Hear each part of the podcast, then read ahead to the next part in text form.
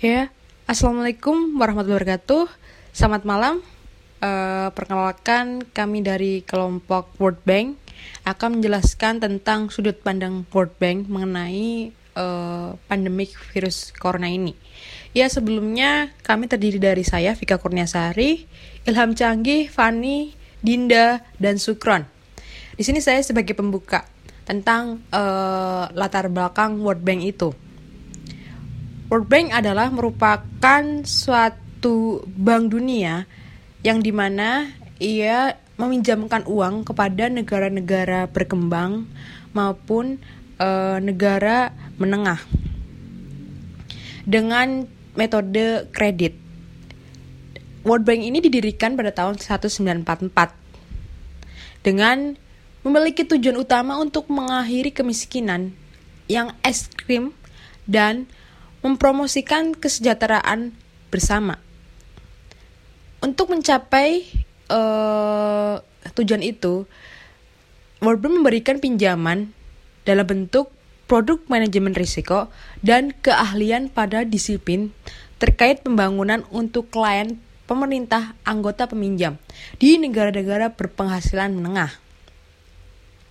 Bank Dunia atau World Bank ini meluncurkan obligasi pandemi pertama kali untuk mendukung fasilitas pendanaan darurat bagi pandemi virus corona ini yang nilainya begitu sangat fantastis sekitar 500 juta dolar dan mencetak membagikan uh, oleh Washington DC atau Amerika pada tanggal 28 Juni 2017.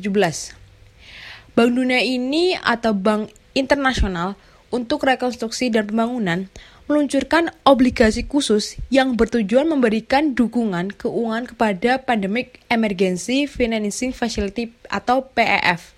Ini merupakan sebuah fasilitas yang diciptakan oleh Bank Dunia untuk menyalurkan dana tambahan ke negara-negara yang berkembang. Jadi ya uh, kita bisa telaah bahwa World Bank ini merupakan seperti uh, banknya atau ibunya dari suatu negara-negara berkembang yang di mana ia menjamkan uh, uangnya lalu dalam bentuk kredit yang menyicilnya seperti negara-negara berkembang. Jadi dia juga salah satu tujuan utamanya untuk apa ya? Uh, mengurangi kemiskinan pada negara-negara berkembang. Ya salah satunya Indonesia.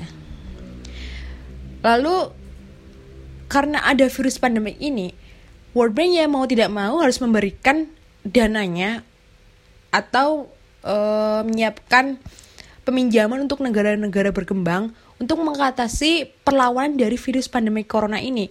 Ya memang uh, kita bisa lihat bahwa corona ini telah memutus ekonomi di negara-negara yang terjangkit virus ini, salah satunya Indonesia.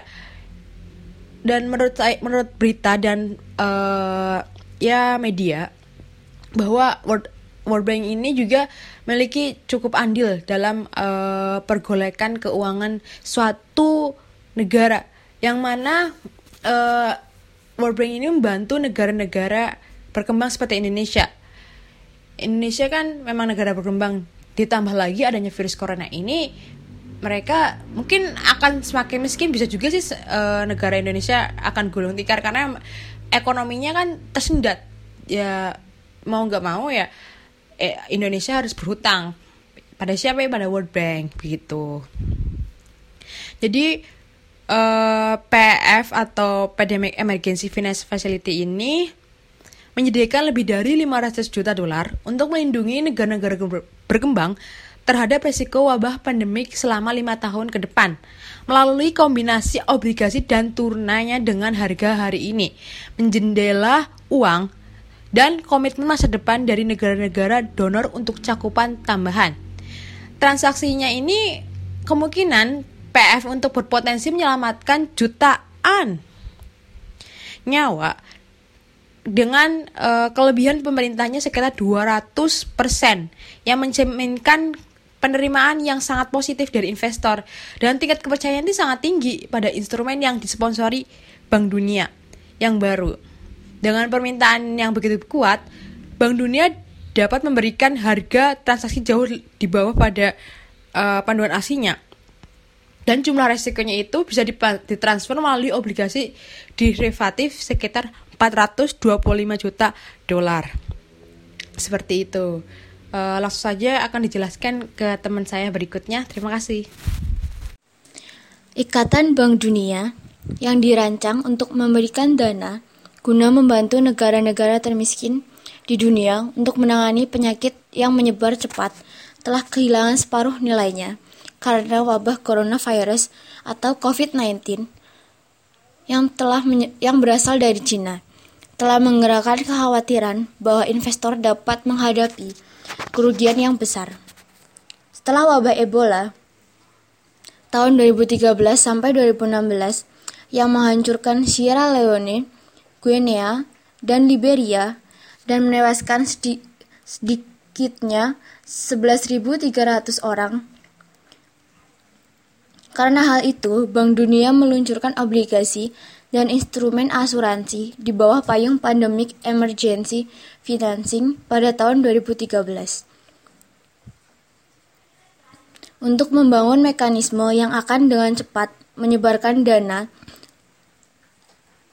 saat wabah tersebut terjadi kepada negara-negara yang membutuhkan. Obligasi yang dikeluarkan oleh Bank Internasional untuk Rekonstruksi dan Pembangunan atau IBRD Bank Dunia menawarkan kepada para investor kupon tinggi sebagai imbalan atas risiko harus melupakan sebagian atau seluruh uang mereka jika terjadi wabah pandemi berupa jumlah penyakit menular dengan alih-alih dana yang disalurkan dari investor tersebut akan disalurkan ke negara-negara yang membutuhkan bantuan. Kita semua merasa bahwa epidemi telah menjadi semakin sering. Kita mengalami SARS, Ebola, dan flu babi. Semuanya terjadi dalam waktu yang singkat. Obligasi yang dikeluarkan oleh IBRD tidak hanya bertujuan untuk memberikan bantuan untuk wabah coronavirus atau COVID-19 atau e, dan juga Ebola, tetapi juga untuk pandemi yang disebabkan oleh penyakit menular seperti Marburg, demam berdarah, Kongo Crimea Kongo atau demam Lassa, lem, atau demam Lassa. Lembaga think tank dan beberapa pembuat kebijakan mengatakan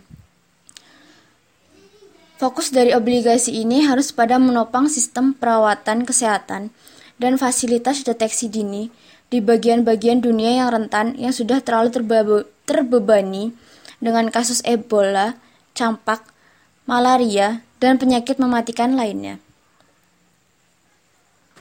Uang untuk obligasi ini bisa dihabiskan lebih baik dalam menyediakan dana kepada WHO atau untuk membantu memperkuat penyediaan layanan kesehatan di negara-negara miskin yang lebih beresiko.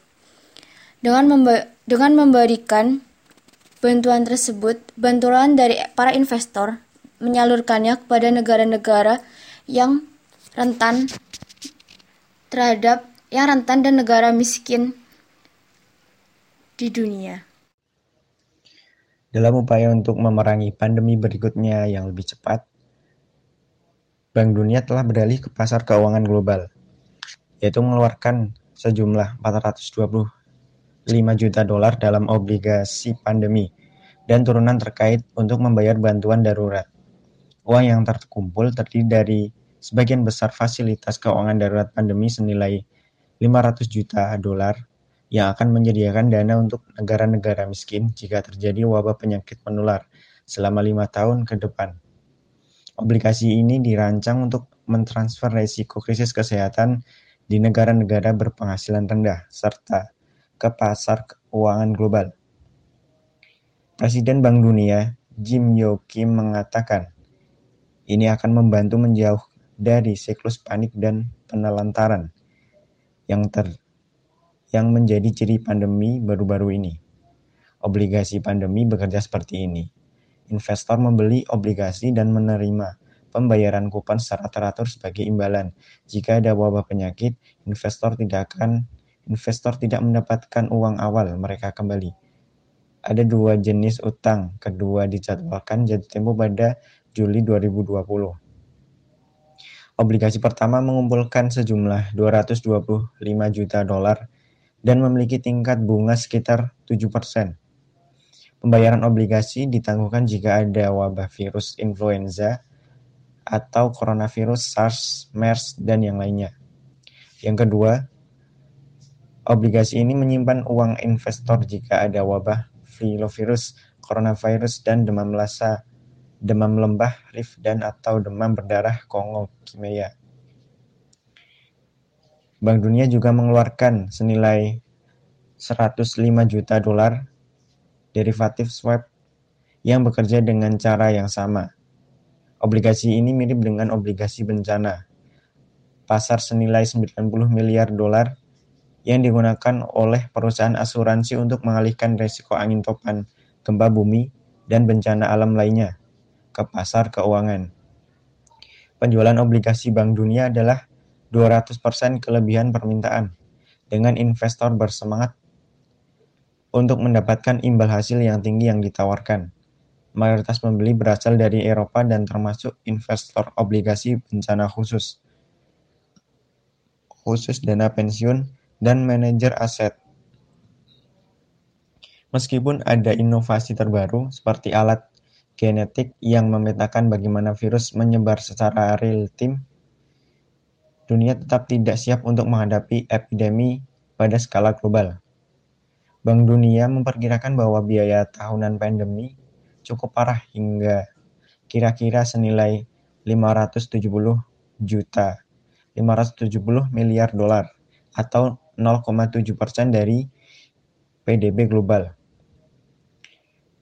Jika atau ketika ada wabah hebat lainnya, obligasi baru ini dimaksudkan untuk memangkas biaya, baik dalam kehidupan manusia dan sumber daya keuangan, untuk memerangi penyakit menular. Ebola membunuh lebih dari 11.000 orang dan mengurangi PDB di Guinea, Liberia, dan Sierra Leone membesar, yaitu senilai 2,8 miliar dolar.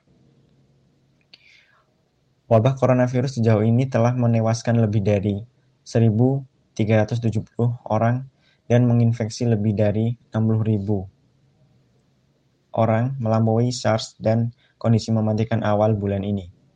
Namun Singapura, Thailand, Jepang, dan Korea adalah satu-satunya negara yang saat ini menampung lebih dari 20 orang yang terinfeksi. Perdapatan tentang kemajuan Ikatan Sementara Bank Dunia menggembar-gemborkan utang sebagai cara yang efisien untuk menghubungkan pasar keuangan dengan bantuan epidemi. Yang lain ragu bahwa obligasi membantu negara yang sakit sama sekali. Prospektus panjang aset membunyikan banyak persyaratan yang menghambat upaya untuk mengeluarkan dana ketika mereka paling dibutuhkan. Dana, dana hanya dapat dikeluarkan dari PIF dan epidemi non-fluida 12 minggu setelah dimulainya acara. Menurut dokumen Bank Dunia, strain virus corona baru pertama kali dilaporkan pada akhir Desember, meninggalkan dana terkunci sampai akhir Maret. Bahkan setelah batas waktu terpenuhi, wabah itu harus menyebabkan setidaknya 20 kematian di dua negara atau lebih untuk memicu obligasi. Sementara Cina mencapai ambang kematian beberapa minggu yang lalu. Tidak ada negara lain yang dekat meninggalkan GTP beku sementara virus terus menyebar. Iklannya adalah bahwa akan ada pembiayaan awal, cepat dapat diprediksi, transparan untuk wabah sehingga mereka tidak menjadi pandemi. Yang telah dikonfirmasi di negara-negara ABRD atau IDA agar skema ini dapat dipicu dengan 3.267 yang telah dilaporkan di Cina pada 22 Maret. Pembayaran teoritis ke negara-negara IDA sebesar 195,8 juta dolar yang telah tersedia dalam kasus virus corona berdasarkan jumlah total kematian di negara-negara ABRD atau ADA. Pada kematian 250, pembayarannya adalah 29% atau 56 juta dolar untuk wabah regional dan 34% atau 66 juta dolar untuk global.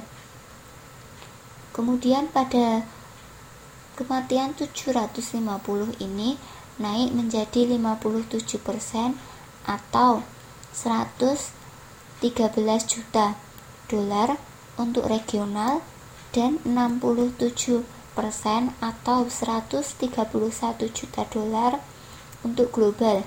Persyaratan maksimum yaitu 2500 kematian yang dipenuhi yang berarti bahwa pembayaran regional atau global penuh sebesar 195,8 juta dolar yang tersedia dengan asumsi semua kriteria lain harus terpenuhi. Kemudian untuk kerugian pemegang obligasi pandemi Bank Dunia ini disusun menjadi dua kelas, yaitu yang pertama kelas B senilai 95 juta dolar telah dibayarkan terlebih dahulu dan dapat dikurangi menjadi nol dengan pembayaran coronavirus. Kemudian ada rintangan yang lebih besar untuk pembayarannya dari kelas A sebesar 225 juta dolar dan kerugian di sini dibatasi pada 16,67% atau 37,5 juta dolar. Pada kematian 250, ABAD atau ADA dalam kerangka waktu dan persyaratannya tingkat pertumbuhan telah terpenuhi.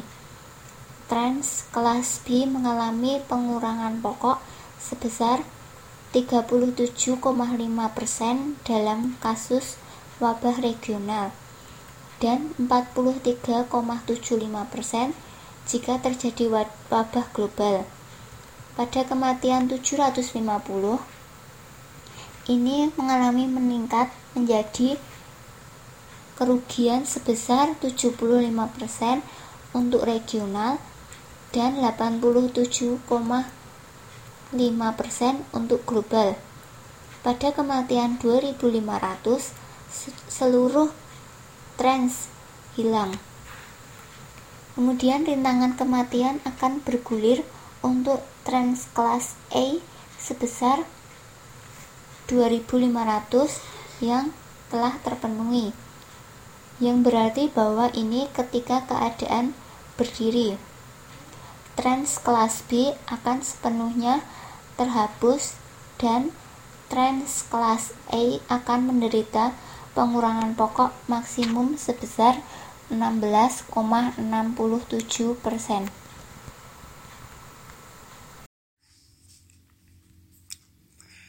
Pada akhir Februari, obligasi kelas B ditandai sekitar 45, sedangkan obligasi kelas A berada di antara 90 dan par. Perbedaan antara maksimum 195,8 juta dolar bantuan yang tersedia untuk negara-negara dalam kasus coronavirus dan kerugian pemegang obligasi maksimum senilai 132,5 juta dolar dicatat oleh swap re reasuransi bersamaan. Tingkat pertumbuhan dan rasio konfirmasi ini adalah yang paling sulit untuk dinilai secara eksternal. Dan tidak mungkin sebelumnya di mana sebagian besar kriteria akan berlaku pada 24 Maret. Alasannya adalah bahwa kedua persyaratan tersebut adalah untuk dinilai berdasarkan data dari periode dua minggu dari mana hari itu terjadi ketika semua persyaratan lain terpenuhi. Dengan kata lain, jika semua kriteria terpenuhi pada hari apa pun setelah periode 12 minggu, Tingkat pertumbuhan kasus akan dihitung berdasarkan data untuk periode yang dimulai pada awal minggu di mana hari itu terjadi hingga akhir minggu berikutnya, sehingga maksimum 14 hari. Berdasarkan pada periode ke-12 minggu menjadi 24 Maret, yang akan menempatkan akhir dari tingkat pertumbuhan paling awal dan periode pelaporan rasio konfirmasi pada 6 April. Kemudian ada dua hari di mana dialokasikan untuk perhitungan akhir. Perhitungan laju pertumbuhan itu sendiri rumit. Ini didasarkan pada pertumbuhan total kasus masing-masing negara IBRD or IDA yang terkena dampak dan itu termasuk kemungkinan kasus yang WHO tidak laporkan secara rutin dalam laporan situasi yang dipublikasikan.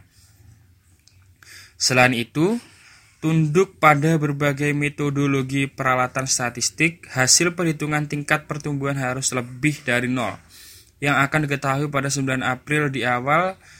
Rasio konfirmasi sementara itu berkaitan dengan proporsi kasus yang dikonfirmasi terhadap total kasus, termasuk yang diduga. Selain itu, sulit untuk memastikan secara eksternal dalam bergantung pada wawasan terperinci ke dalam kasus yang dicurigai akan dilaporkan oleh otoritas nasional. Rasio konfirmasi harus lebih dari 20%, yang juga diketahui pada 9 April paling awal. Dalam mengatasi wabah seperti coronavirus, World Bank Pandemi Bonds ini telah dikritik karena arena membuat mekanisme lambat dan rumit. Fasilitas yang bergantung pada serangkaian pemicu pembayaran hanya mengeluarkan dana begitu sudah ada sejumlah kasus. Kematian dan negara-negara yang terkena dampak wabah coronavirus. Dalam sebuah artikel surat kabar Inggris The Guardian, Bodo Elmers dari Forum Kebijakan Masyarakat Global yang bermarkas di Amerika Serikat mencatat skema cacat mendasar adalah bahwa skema itu bertujuan mencegah pandemi tetapi hanya akan membayar ketika pandemi sudah berlangsung. Bahwa pemicu obligasi sangat terlambat dan dan World Bank dapat mendanai upaya bantuan tanpa instrumen pembiayaan risiko yang tidak perlu tidak tepat dan tidak efektif. Contoh yang jelas adalah Republik Demokratik Kongo, di mana setahun setelah wabah Ebola pada 2018 yang menjadi wabah terbesar kedua yang pernah dicatat menurut Medicine Sans Frontiers. Dana belum dikeluarkan karena penyakit belum menyebar ke seluruh penjuru dunia. Salah satu persyaratan untuk obligasi PF yang akan dipicu.